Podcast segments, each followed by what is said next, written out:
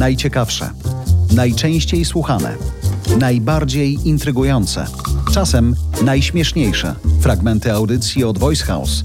Słowem Best of Voice House. Bierzcie i słuchajcie tego wszyscy. Technologicznie Bartek Pucek i Jarosław Kuźniar. Szanowny pan Bartek należy do klubu 5 AM, 4 AM, 3 AM, 2 AM, 1 AM. Nie wiem, jak się wstaje w Szwecji i pracuje. 6.50 AM. 6.50, ale to bardzo takie dokładne. Ty to pomierzyłeś? Bardzo dokładne. Jest w tym wliczony potencjał na 10-minutową drzemkę. E, to załatwia za ciebie telefon. Myślałem, że jesteś tak wytrenowany, że rzeczywiście to sobie ustawiłeś. Kiedyś w jednym z podcastów, możecie śmiało słuchacze sobie do niego zerknąć, Bartek opowiadał o tym, że on pomierzył siebie, żeby wiedzieć, że ten moment dnia jest dla niego najbardziej produktywny. Wracamy do bardziej miękkiego niż technologicznego tematu, czyli tego, jak wygląda układanie sobie różnych pomysłów na to, co zrobić, żeby kreatywnie się rozwijać, jak wyglądają rytuały najlepszych hostów i nie tylko, jak wyglądają rytuały najlepszych CEOsów i CMOsów i CFOsów w kontekście różnych dużych firm, o czym pisałeś ostatnio w newsletterze, ale zakładam, że dzisiaj każdy przedsiębiorca bez własnego rytuału jest w kropce. I indywidualnie, i jeżeli chodzi o funkcjonowanie firmy. Każda firma składa się z rytuałów, czasami formalnych, czasami nieformalnych. Tak jak nasze życie składa się też z rytuałów, nazywamy je nawykami. I jeżeli patrzymy na to z punktu widzenia produktywności, to te badania, które mówiły o tym, że około 50-60% naszych decyzji w ciągu dnia wynika z nawyków, a nie z listy rzeczy, którą chcemy zrobić, to to dbanie o nawyki, przede wszystkim rozumienie, jakiego rodzaju nawyki mamy, zarówno na poziomie indywidualnym, jak i w firmach, no jest kluczowe z punktu widzenia tego, czy chcemy być produktywni, ze wszystkimi plusami i minusami bycia produktywnym oczywiście. Widzę i dużo pozytywów w tym, że ktoś ma rzeczywiście bardzo wczesną porę wstawania po to, że wie, co chciałby zrobić, zanim inni wstaną. Mi się to często zdarza, kiedy jestem w podróży i strefa czasowa jest inna, więc mam takie poczucie, że ja już swoją robotę zrobiłem, czekam teraz na odpowiedź na moje maile i się niecierpliwie, że jeszcze nie przyszło, bo przecież od dwóch godzin ktoś nie odpisał, choć tak naprawdę moja szósta jest szóstą w Polsce dopiero co. Natomiast te wszystkie kluby 5 AM, czy trzecia 45, czy czwarta 30, myślę, że tu dużo nie tylko zależy od samego organizmu, ile od tego, jak ta firma jest ustawiona, jaką pozycję także w firmie ma osoba, która nią dowodzi,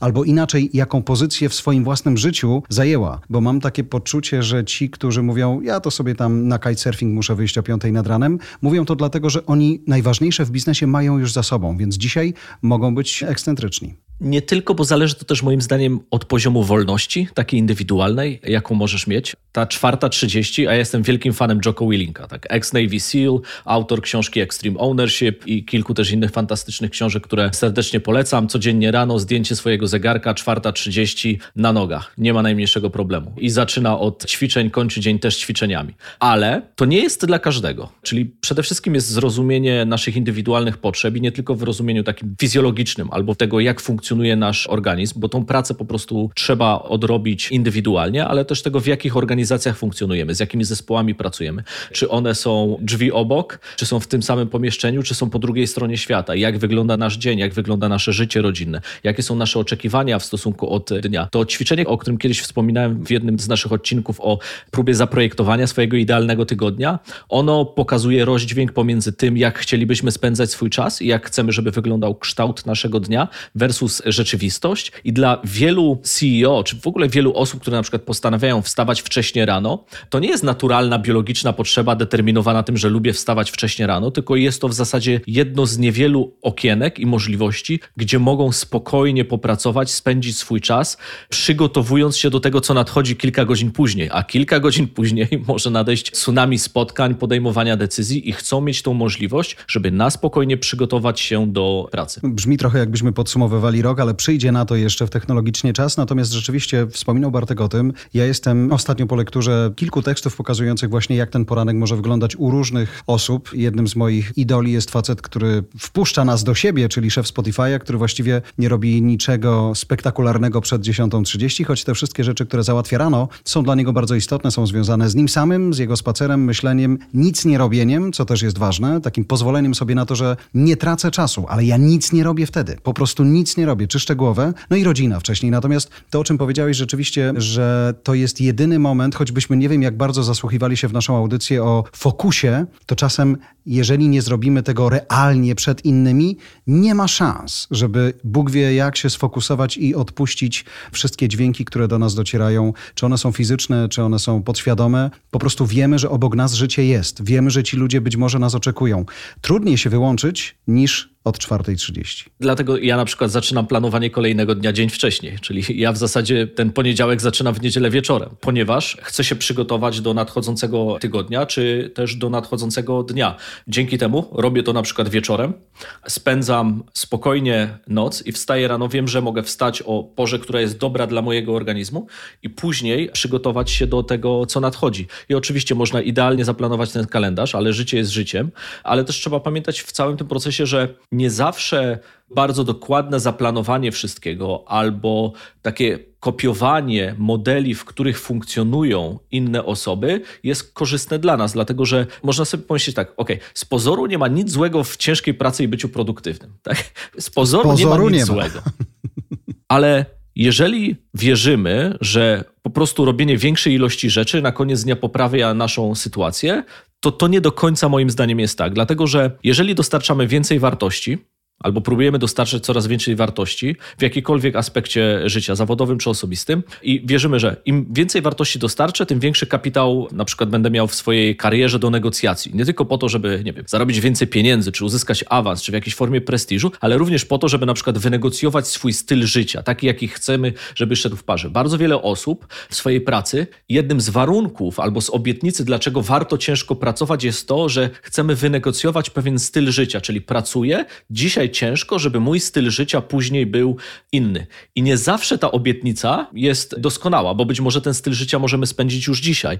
I jeżeli będziemy więcej pracować, będziemy dostarczać więcej wartości, będziemy więcej tego kapitału, czyli będziemy mogli wynegocjować jeszcze lepszy styl życia dla nas. Dla wielu osób to jest błędne koło. Nawet jeżeli to wstawanie 4.30 będzie idealne dla mnie, wcale nie oznacza, że ono będzie idealnie dla ciebie i vice versa. To prawda, choć myślę sobie, bo ty zawodowo jesteś, ja to tak przynajmniej postrzegam, mimo że się znamy i może zabrzmieć jak kokieteria w zupełnie innym miejscu. Ja dzisiaj od, nie wiem, paru lat obserwuję sobie różnych ludzi, którzy są w nowym dla mnie świecie, czyli bardziej przedsiębiorczym niż medialnym i tamten świat medialny mam ogarnięty, a ten przedsiębiorczy cały czas dla mnie jest jakąś fajną nauką, więc patrzę, co kto jak robi. Teraz myślę sobie, tak jak wielu mówiło, panie Jarku, tyle lat, czwarta trzydzieści, co organizm na to? Organizm na to mówi, nie potrafię inaczej, więc wstaję. Nie dyskutuję z tym. Natomiast dzisiaj, jak popatrzę sobie właśnie na biznes i na to, jakie są rytuały szefa Spotify'a czy innych, to dla mnie, gościa, który nawet wyczuje, że to nie jest dla niego, że on w tej skali tego nie zrobi, że on nie umie w ten sposób albo powinien mieć zupełnie inne rytuały, to mimo wszystko popatrzenie na ich framework pozwala mi zbudować swój. Bez popatrzenia na ich framework byłbym znowu w rozsypce. Ekonomicznie. Rafał Hirsch i Jarosław Kuźniar. Nadwyżka w budżecie. To brzmi co najmniej dumnie. Skąd to ona się wzięła? Z tego, że dochody są większe niż wydatki. Jak żeśmy to pięknie zrobili. W, w tym budżecie. Mhm. I to jest taka solidna nadwyżka, bo ona już przekracza, proszę pana, 50 miliardów złotych od początku roku. Czy trzeba być Więc do tego... proszę tutaj nie krytykować, Dokładnie. że jest jakaś dziura, Aha, już chciałem o coś... 50 miliardów nadwyżki. A chciałem cię zapytać, czy potrzeba do tego geniuszu, żeby tak się udało, czy to się robi niechcący? Geniusz zawsze się przydaje. Czyli nie przeszkadza. Nie przeszkadza. Ale czy pomógł tutaj? To trzeba by było zapytać u źródła, ale myślę, że taka, bo rozumiem, że przesz w stronę tej interpretacji, gdyż wydaje ci się ona interesująca. Nie, w ogóle, wiesz, nie wiem komu bić brawo, że ma nadwyżkę w budżecie. No. Premierowi, ministrowi finansów, którego nikt nie zna, komu? Nikt nie zna ministra finansów? Szefowi NBP, komu? Ja myślę, że to po prostu jest taka wspólna polityczna rodzina. I Oni co? to wszystko robią wspólnie. Ale ich celem jest nadwyżka, czy to jest efekt uboczny jakiejś innej inżynierii finansowej? To jest bardzo ciekawe pytanie, no? czy ich celem jest nadwyżka. Zakładam, że jak mamy budżet firmy, czy mamy budżet domowy, nadwyżka, miła rzecz. A jak mamy budżet państwa? Co, widziałem parę rozmów z ministrem finansów. Ta. Zresztą nie tylko tylko tym, ale także byłymi ministrami finansów. I powiem ci szczerze, że ja nie przypominam sobie, żeby kiedykolwiek ktokolwiek zapytał ministra finansów w Polsce, czy jego celem jest nadwyżka budżetowa. To jest bardzo ciekawe pytanie. No nie jest to głupie Ja pytanie, nie wiem, No. czy jego celem jest nadwyżka. I uważam wręcz, że to nie powinien być jego cel. Jestem w stanie zrozumieć tych, którzy mówią, że finanse publiczne powinny być stabilne, a taką emanacją stabilności jest to, że są zrównoważone, nie? czyli że nie ma ani nadwyżki, ani deficytu. Czy one są wtedy takie neutralne. I okej, natomiast dążenie do nadwyżki to nie. No nie, to tak samo jak nie powinno się za wszelką cenę dążyć do deficytów, tak samo nie powinno się za wszelką cenę dążyć do nadwyżek. No nie, rozumiem, że budżet państwa może Bo nie wiesz, jest... nadwyżka jest wtedy, jak zabierasz z gospodarki więcej niż jej dajesz. No. Hmm. Jak tam jest nadwyżka, to u nas jest deficyt. No nie, ale zobacz, odwrót. a jak prowadzisz firmę i masz nagle dużo wolnej gotówki, masz nadwyżkę gotówki powiedzmy, tak? I dążysz do tego, żeby właśnie ją mieć, bo możesz przeznaczyć na inwestycje na coś takiego, nie? Celowo to robisz, żeby No ale jak już przeznaczysz na inwestycje, to już jej nie masz. Nie masz przez jakiś czas, a później te zainwestowane pieniądze do ciebie na przykład mogą wrócić w postaci nadwyżki za x lat, nie? Tak, ale od razu też coś z nimi robisz. Generalnie pieniądz krąży, nie? No, to dlaczego tutaj krąży słabiej, że aż jest nadwyżka? No właśnie, nie wiem. Za mało wydaje ten rząd. Patrz, do jakiego ciekawego wniosku doszliśmy. Rozdaje wszystkim, ale wydaje wciąż za mało. Kochani, jest nadzieja. Słuchaj, jak słucha ciebie jakiś lekarz, to się wcale nie śmieje teraz, podejrzewam. O Albo Boże. położna No na właśnie, przykład. no właśnie. W ogóle się nie śmieje. No ale właśnie, to zobacz, jeżeli mamy 52 miliardy nadwyżki, to możemy Mhm. dać tym, którzy potrzebują, nie? Właśnie strajk medyków, jak premier wyjrzy z kancelarii za okno, cały czas będzie tam widział. Ja bym im dał. No, No, a my na armię będziemy wydawać chyba teraz. słyszałem, NBP więcej. też to zrobi, żeby NBP, było tak, poszło na tak. armię. No więc... Słuchaj, no nie, no tak już zupełnie serio, to ta nadwyżka jest efektem takich trochę sztuczek. Inżynierii Nic nielegalnego, nic zdrożnego, natomiast jest tutaj troszeczkę sztuczek. Ale prawdą jest to, co mówiłem, że nadwyżka jest dlatego, że wydatki są mniejsze niż są dochody podatkowe. Tylko pytanie, dlaczego te wydatki są mniejsze w budżecie państwa? One są mniejsze w 2021 roku w budżecie państwa, ponieważ sporą część tych wydatków przeniesiono na grudzień 2020. A na co wydamy poza trzynastkami, czy tam czternastkami? Trzynastki. Trzynaste emerytury. Czternaste. One rok temu były Piętnaste. finansowane przez ZUS i żeby ZUS sobie z tym poradził, trzeba było dać dotacje z budżetu państwa i to był w- wydatek w budżecie. Tak. A na ten rok... Nie, tam TVP. No to A na. No. to, tam drobne. A na, poza tym, jaka pożyteczna misja. A jeśli chodzi o ten rok, Mm. to wymyślono, że pieniądze na trzynastki będą szły z tak zwanego funduszu solidarnościowego, a dotacje dla tego funduszu solidarnościowego na tegoroczne trzynastki wpłacono w grudniu w zeszłym roku. Czyli budżet poniósł ten koszt w zeszłym roku, więc w tym roku już go nie ma. Okej. Więc jest przesunięcie. I teraz efekt był tego taki, że w grudniu 2020 roku, w ciągu jednego miesiąca, budżet państwa miał 71 miliardów złotych deficytu. 71, wiesz ile to jest 71 miliardów?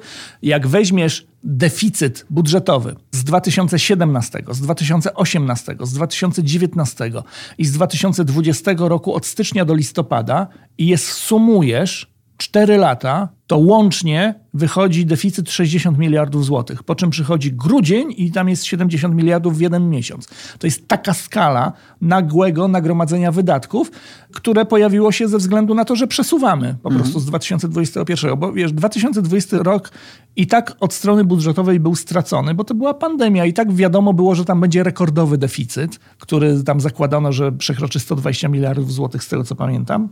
Nie ma o co walczyć tak właściwie pod koniec roku. Nie? No to skoro i tak to już jest przegrana sprawa, to wyciągnijmy tyle, ile się da z kolejnego roku i tam już wsadźmy w ten grudzień, to przynajmniej kolejny rok będzie wyczyszczony elegancko. To były najciekawsze, najczęściej słuchane, najbardziej intrygujące, a czasem najśmieszniejsze fragmenty audycji od Voice House. Best of Voice House. Dziękuję za Twoją uwagę. Oceń te nasze rozmowy. Twoja opinia zostawiona na Apple Podcast pod każdą audycją pozwala usłyszeć je większej grupie ludzi. Napisz kilka słów i zostaw pięć gwiazdek. To pomaga nam się rozwijać. Jeżeli masz pytanie, nagraj je na telefon i wyślij do nas. Wykorzystamy w kolejnym podcaście. Zasubskrybuj także inne podcasty od Voice House. Znajdziesz je na każdej platformie podcastowej, w każdym kanale social mediowym. Zapraszam też na stronę Voice House po więcej dobrej treści.